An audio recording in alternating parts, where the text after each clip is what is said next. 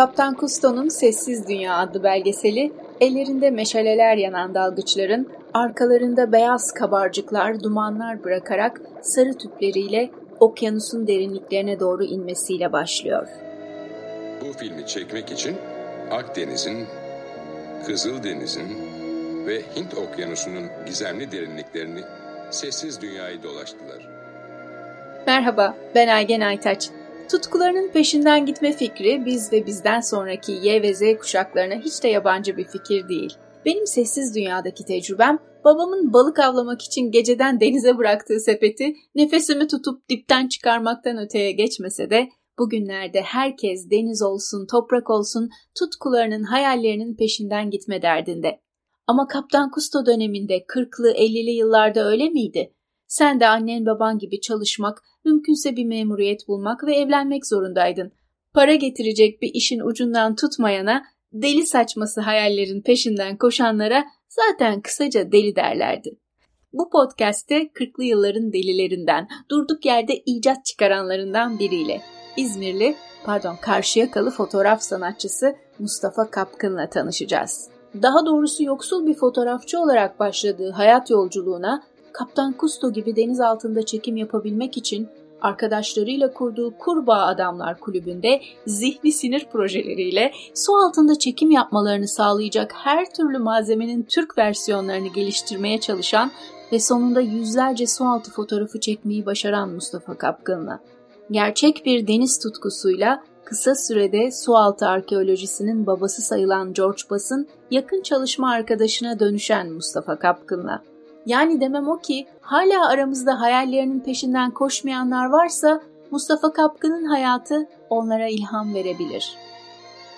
Mustafa Kapkın ne yazık ki artık aramızda değil. Ama ne şanslıyız ki onu kendisi gibi fotoğraf sanatçısı, benim de çok sevdiğim bir arkadaşım olan oğlu Ahmet Kapkın'dan dinleyeceğiz. Babam 1924'ün 5 Mayıs'ında Karşıyaka'da doğuyor ve birazcık trajik bir hayatı oluyor babamın. Anneleri bir müddet sonra ayrılıyor. Babam babasıyla kalıyor. Fakirlik diz boyu. Tabii o zamanlar orduya girmek, subay olmak garanti bir hayat. Sırtın o zaman devlete yaslıyorsun ve babam da bu mantıkla 1941 yılında bak düşün 24-41 kaç sene kaç yaşındaydı çok ufak. Hava Harp Okulu'na gidiyor talebe olarak ve burada pilot oluyor. Fakat orasının ona göre olmadığını anlıyor ve ayrılıyor. İşte askeriyede eğitim alırken öğrendiği çatapata İngilizcesi, işte birazcık fotoğrafçılığıyla Karşıyaka'ya geliyor ve ben ne yaparım, ne ederim derken ilk defa Karşıyaka'da foto arda fotoğrafçılığa başlıyor baba. Hatta bu aralar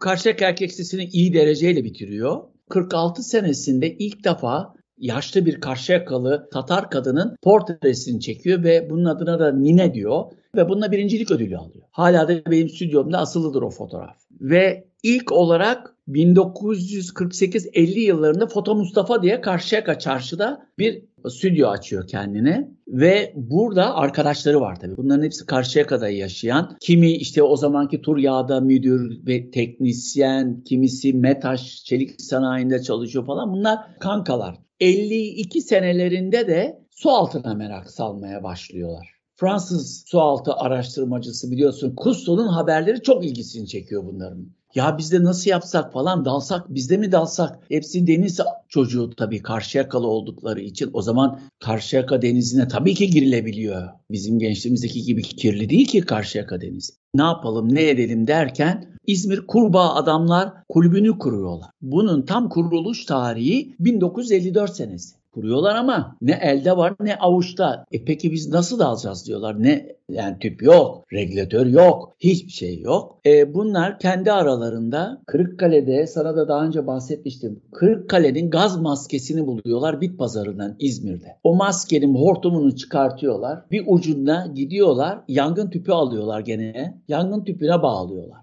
Allah'ın vanasıyla. Ondan sonra ve maske olarak da gaz maskesini yani, yani savaşta kullanılan gaz maskesini takıyorlar. E, hava nasıl basacağız buna diyorlar. Gidiyorlar benzincide lastiğe basılan havada basıyorlar. Lastikçide basılan hava o kadar düşük bir hava ki bar olarak. Şimdi mesela biz şu anda ben de dalan bir insanım. 18 litrelik bir tüpe normalde şu anda 200 bar yani 200 atmosfer basınçla hava basılıyor. O kadar yüksek. E senin benzincide bastığın ne ki? Ne ki? Nitekim de bunlar bir gün alıyorlar merasimle bütün bu takım taklavatı gidiyorlar karşıya sahiline hep beraber. Zihni sinir projeleri. Tabii. Dalış tüpünde ne kayış var, ne bir şey var. Dalış tüpünün havasını gösteren hiçbir manometre yok. babam tabii hemen gönüllü. Alıyor tüpü kucaklıyor babam. Hadi suya giriyor Karşıyaka sahilde. Dalamıyor da tabii batamıyor. Çünkü ağırlık olması lazım. Yani bak ne kadar iptidai yerlerden nerelere geliyor. Ee, kalkıyor oradan bir kaya buluyor. Bir elinde tüp bir elinde kaya yürüye yürüye yürüye yürüye gidiyor ve öyle ağırlık yapıyor ve batıyor suyun altına. Hava çekmeye başlıyor ki tüpten e, tabii ki çektiği hava yüksek basınçta olmadığı için o hava yetmiyor çekmeye. Ve zaten de 3 nefeste bitiyor. Ve ondan sonra hava sıkalıp çıkıyor dışarıya. Sonra bunlar gene toplanıyorlar, okuyorlar ve öğreniyorlar ki yüksek basınç olması lazım, regülatör olması lazım. Bunu biliyorlar Avrupa'da olduğunu bu malzemelerin ama alamıyorlar ki. Ama baştan keşfediyorlar, yaratıyorlar evet, yani. Evet, evet. Üstlerine giyecek elbiseleri yok. Annem yün tulum örmüş. Yani üşümesin diye dalarken. Altı üstü. Düşün yani şimdi biz neopren elbiselerle de alıyoruz. Kalınlıklarına göre değişiyor. Öyle bir şey yok o zamanlar.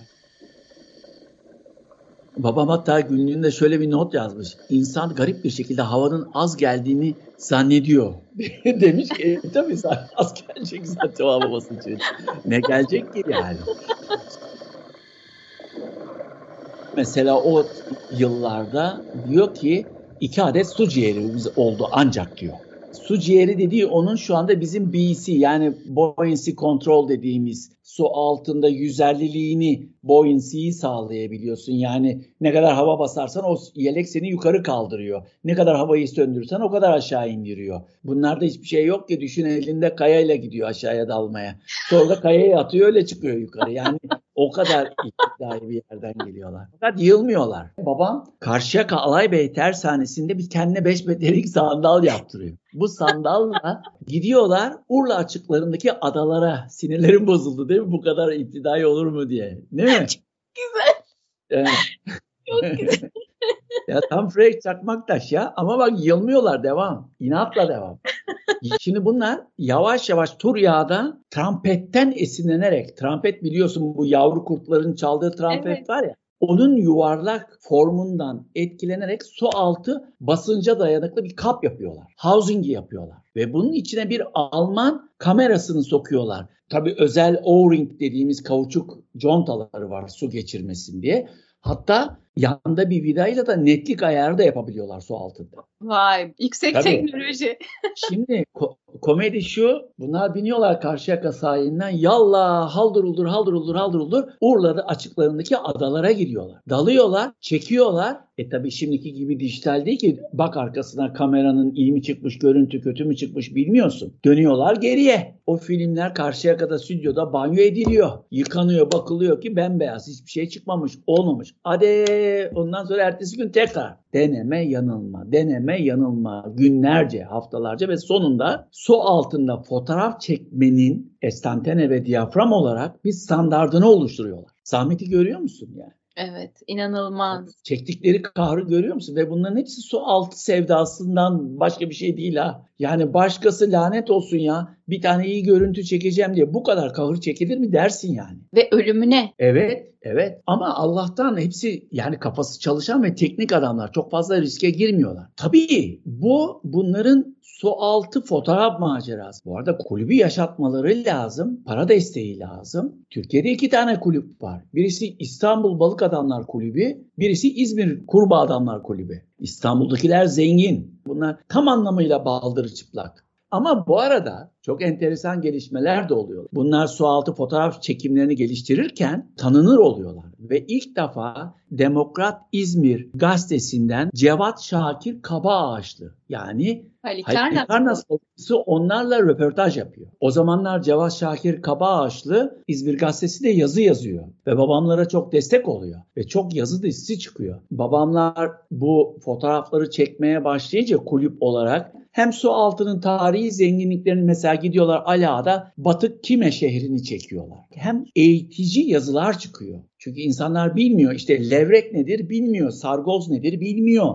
Bunların hepsi yayınlanıyor yavaş yavaş. İnsanlar ha bak sargoz böyle bir balıkmış, işte ahtapot buymuş. Bunlar yayınlanıyor. Yayınlanınca yavaş yavaş isimleri duyulmaya başlıyor. Hem kulüp olarak hem sualtı fotoğrafçılığı olarak. 1954 senesinde bunları yaparlarken mesela başka işlere de gidiyorlar. Mesela hava kuvvetlerinin Marmara Ereğlisi'nde bir uçağa düşüyor pilotla birlikte. Gölle düşüyor. Ve kim çıkartacak? Bunlara hava kuvvetleri başvuruyor. Çıkartır mısınız pilotu? 2-3 gün uğraşıyorlar. Bulamıyorlar pilotu gölün içinde. Uçağı da bulamıyorlar. Sonra bu ekipten birisi diyor ki balıkçı usulü biz bir trol sistemi yapalım. Ne yapalım? Aşağıya çapayı atalım. İple o çapayı çekelim. Mutlaka o çapa bir yere takılacak. Ve üçüncü gün sonunda buluyorlar uçağı gölün içinde. Ve şehit olmuş pilotu uçaktan çıkartıyorlar. Ve ondan sonra da teşekkür yazısı yayınlıyor hava kuvvetleri. Sonra mesela İzmir Körfezi'nde bir yolcu gemisi batıyor. Onun kripto kasasını çıkarmak için dağılıyorlar. Onu çıkartıyorlar falan. Yani bir takım işler de yapıyorlar. Tabii tanınır olunca o zamanlar Simavi ve Necati Zincirkıran meşhur o da eski Hürriyet'in gazetecilerinden onları arıyor ve diyorlar ki İstanbul'un su altı diye bir yazı dizisi ve fotoğraf dizisi yapmak istiyoruz. Bize bu konuda yardımcı olur musunuz diyorlar ve oluyorlar. Ne zaman? 1955'te ve İstanbul Boğazı'nda dalıyorlar ve bu dalışlarda da su altından fotoğraflar çekiyorlar. Hatta kendi kameraları da var yaptıkları bu robot marka kendi housinglerini imal ettikleri housing'e koydukları robot fakat hürriyetle bir anlaşmaya giriyorlar. Tabii o zaman Simavi bayağı varlıklı. Ben size diyor Almanların sizin alamadığınız meşhur housing'ini alırım diyor. Rollei Flex'i diyor. Getirtirim onu diyor. Hiç problem değil diyor. Ve öyle bir barter yapıyorlar ki babam elindeki Rollei kamerasını Hürriyet'e veriyor. Hürriyet de onun housing'ini babama veriyor. Çünkü babamın stüdyosunda zaten Rollei Flex fazla var elinde kamera. Ama housing'i yok alacak. Kulüp tabii su altı arkeolojisiyle de çok ilgileniyor. Bodrum süngercileriyle yavaş yavaş kontaklar kuruyorlar. Neden? Çünkü su altını en iyi bilen adamlar süngerciler. O zamanlar bu işten iyi para kazanıldığı için kıyı köylerdeki bütün insanlar sünger avcılığı yapıyor. Ve babamlar da bunlarla temas kuruyorlar. Dağılmıyorlar onlarla beraber ama dostluklar kuruyorlar ve yavaş yavaş bilgi ediniyorlar o adamlardan. Nerede nasıl bir batık var gibilerinden bilgi toplamaya başlıyor rahmetli babam. Ve hatta şu anda İzmir Arkeoloji Müzesi'nde olan Demeter heykeli o zaman bulunuyor. Gelidonya'nın açığındaki adalardan birinde bulunuyor. Kim buluyor bunu? Sünger dalgıcı buluyor, ağına takılıyor. Ve bronz heykel gelince o zamanlar tabii hep parasızlık var. Dalgıçlar kimseye ses etmiyor. Alıyor bunu koyuyor teknenin baş altına. Ve bunu götürüp hurdacıya satıyorlar. Fakat bu bulunan Demeter heykeli, kadın heykeli o kadar mahzun ve yüz, üzüntülü bir yüzü varmış ki adam bunu veremiyor balıkçı hurdacıya. Tabii yeraltı fısıltı gazetesi durmuyor. Anında Bodrum'da bizim işte başaltımızda böyle bir bronz heykel var denilince hop yetkililer geliyor, öğreniyorlar ve el koyuyorlar heykele. Ve adama da parasını ödüyorlar. Şu anda İzmir Arkeoloji Müzesi'nde duruyor o heykel. Ve babamlar da bu Demeter'in çıktığını duyunca gidiyorlar. Ya nereden çıktı bu heykel? Nerede çıktı? Bakıyorlar ki kara kışta gidiyorlar tabii babamlar. Buraya gidip dalınacak gibi değil. Yani biz buradan nerede bulmuşlar bunu bir araştırmasını yapamıyorlar tabii. Ve 58 yılında bir yaz günü, hiç unutmuyorum günlüğünde de öyle yazıyor. Evde yemek yiyordum karşıya kadar diyor. Telefonum çaldı. Zaten diyor İngilizcem çok iyi değil diyor. Peter Throckmorton diye birisi arıyor İstanbul'da. Bu adam muhtelif haber ajanslarına haber yapan bir muhabir gibi düşün bu adamı. Adam Hindistan'da seyahat ederken Türkiye'ye geliyor ve orada ne yapabilirim diyor kulübü buluyor. Ve Peter Throckmorton'u alıyorlar, Bodrum'a getiriyorlar. Peter Throckmorton burada işte ben sünger avcılarıyla, köpek balıklarıyla ilgili bir yazı dizisi yaparım derken bir bakıyor ki Bodrum'daki köydeki, ya Bodrum köy o zamanlar. Her evde amfora var. Bu amforalar nereden çıkıyor? E, su altından çıkıyor. E, yani tarihi eser bunlar. Evet. E, sizden, e, biz burada bunları su kübü olarak kullanıyoruz. Zeytinyağlarımızı koyuyoruz. Yani o zaman yok ki öyle hani tarihi eser. Adam da bu sefer şimşek çakıyor ve diyor ki burada diyor inanılmaz batıklar var diyor. Bırak köpek balığı yazı dizisini diyor. Biz diyor bununla ilgili diyor bir şeyler araştırmalar yapalım ve biz buradan para kazanalım diyor. Yani dergilerde yayınlatalım. Böylelikle su altı camiasının ilgisini buraya çekelim. İlk amaç bu. Babam da zaten bu amaçla orada da bulunuyor. Yani ben diyor bu çektiklerimle diyor para kazanırım dergilere National Geographic'e işte oraya buraya satarım. Telif haklarından paralar kazanırım. Ek gelir olur bana da zihniyetiyle birazcık da çıkıyorlar bu yola. Peki o zaman ekipmanları daha gelişmiş ekipmanlara sahip Tabii. oluyorlar mı? Yoksa Tabii. mesela balık adam kıyafetleri vesaire başlıkları oluyor mu yoksa aynı iptidai koşullarda mı devam ediyorlar? İptidai ama yavaş yavaş ekipmanları kuruyorlar artık. Yani o dediğim yıllardaki zavallılık kalmıyor.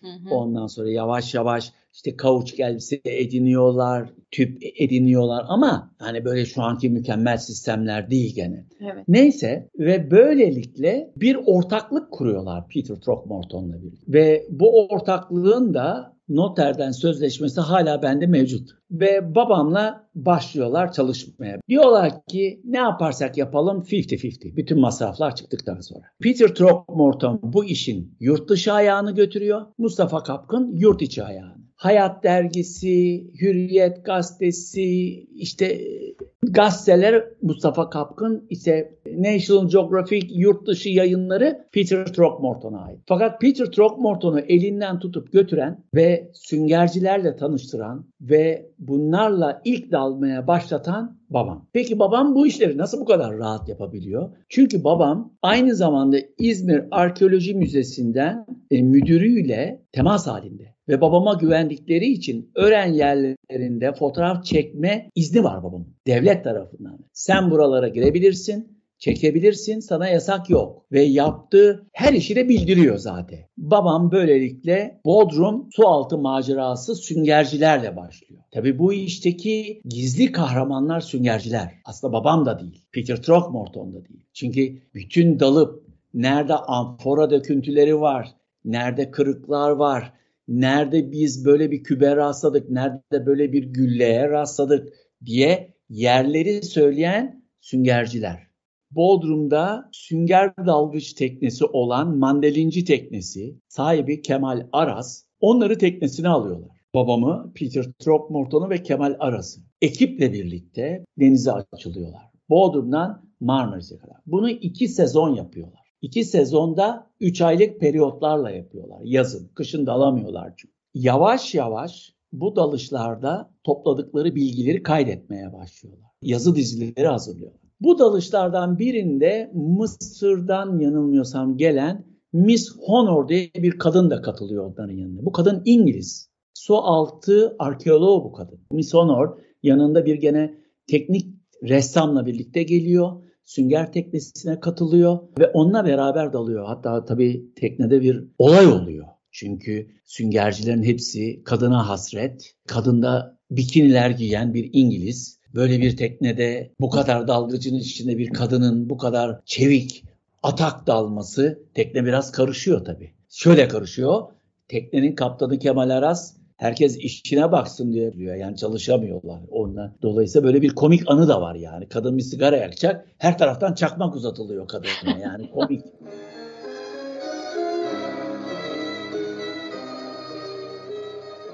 Peter Throckmorton Pennsylvania Müzesi'ne diyor ki ya ben dalıp duruyorum. Böyle böyle Bodrum'da sualtı zenginlikleri var ne yapalım edelim derken Pennsylvania Üniversitesi'ndeki arkeolog George Bass bulunuyor. George Bass'a diyorlar ki Bak Bodrum'da böyle böyle bir şeyler var. Yapar mısın? George Bass diyor ki ben dalmayı bilmem ki ben diyor kara arkeoloğuyum. Git diyorlar dalış öğren. Adam gidiyor Amerika'da bir yüzme havuzunda padiden kurs alıyor ve dalgıç oluyor adamcağız. Ve Türkiye öyle geliyor. George Bass için de bir ilk su altı arkeolojisi ve ilk defa o kuruyor zaten. Underwater Archaeology diye ilk defa George Bass kuruyor bu sistemi. O da kimle kuruyor? İşte Peter Throckmorton'la fakat babamla da tanışıyor. Hatta George Bass'ın rahmetli babama imzalattığı bir kitabı var. Bak bekle. Hemen getiriyorum.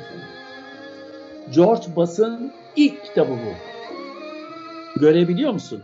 Archaeology Beneath the Sea. George Bass. Yani su altındaki arkeoloji. Bak görebiliyor musun kameradan ne yazmış babama? To Mustafa. What would we have done without you? Yani bu ne kadar güzel Ahmet ya. Tüylerim diken diken oldu. Mustafa biz sensiz ne yapardık? Evet. Bu şimdi herkesin Bodrum Kalesi'nde gidip gezdiği bir tunç batığı var. O batığı ilk defa babam George Bass'a göstermiştir. George Bass'ın İzmir'deki bir head ofisi gibiydi babamın stüdyosu. Yani tüpler bakıma mı gelecek? Mustafa Kapkın'ın stüdyosuna gelirdi. Amerika'dan dalış kampına malzemeler mi gelecek? Efendim işte yeni regülatörler, efendim yeni ekipmanlar mı gelecek? Önce Mustafa Kapkın'ın stüdyosuna gümrükçüler getiriyordu. George Bass gelirdi Bodrum'dan alırdı giderdi. George Bass boşuna yazmamış ben sensiz ne yapardım diye. Tüm bu bilgileri ve müthiş anıları bizimle paylaştığın için çok teşekkürler Ahmet. Babanın daha sonraki yıllarda Throckmorton'un anlaşmaya uymaması ve National Geographic'te yayınlanan Bodrum fotoğraflarının telif hakkını kendisine vermemesi yüzünden İzmir'deki stüdyosunu satmak zorunda kaldığını ve ailesini geçindirmek için deniz sevdasına ilk zamanlarda olduğu kadar zaman ayıramadığını biliyorum. Ama 1975'te ölene kadar çok farklı alanlarda müthiş fotoğraflar çekmeye devam ettiğini de 1963 yılında İzmir'deki Efes Oteli altında yeniden açtığı stüdyosunda İzmir Fuarı'na gelen tüm ünlülerin portrelerini çektiğini, bayramlarda fotoğraf çektirmek isteyenlerin kapısında kuyruklar oluşturduğunu ki benim de kardeşlerimle birlikte çocukken o kuyrukta beklemişliğimiz var, tüm İzmirliler bilir.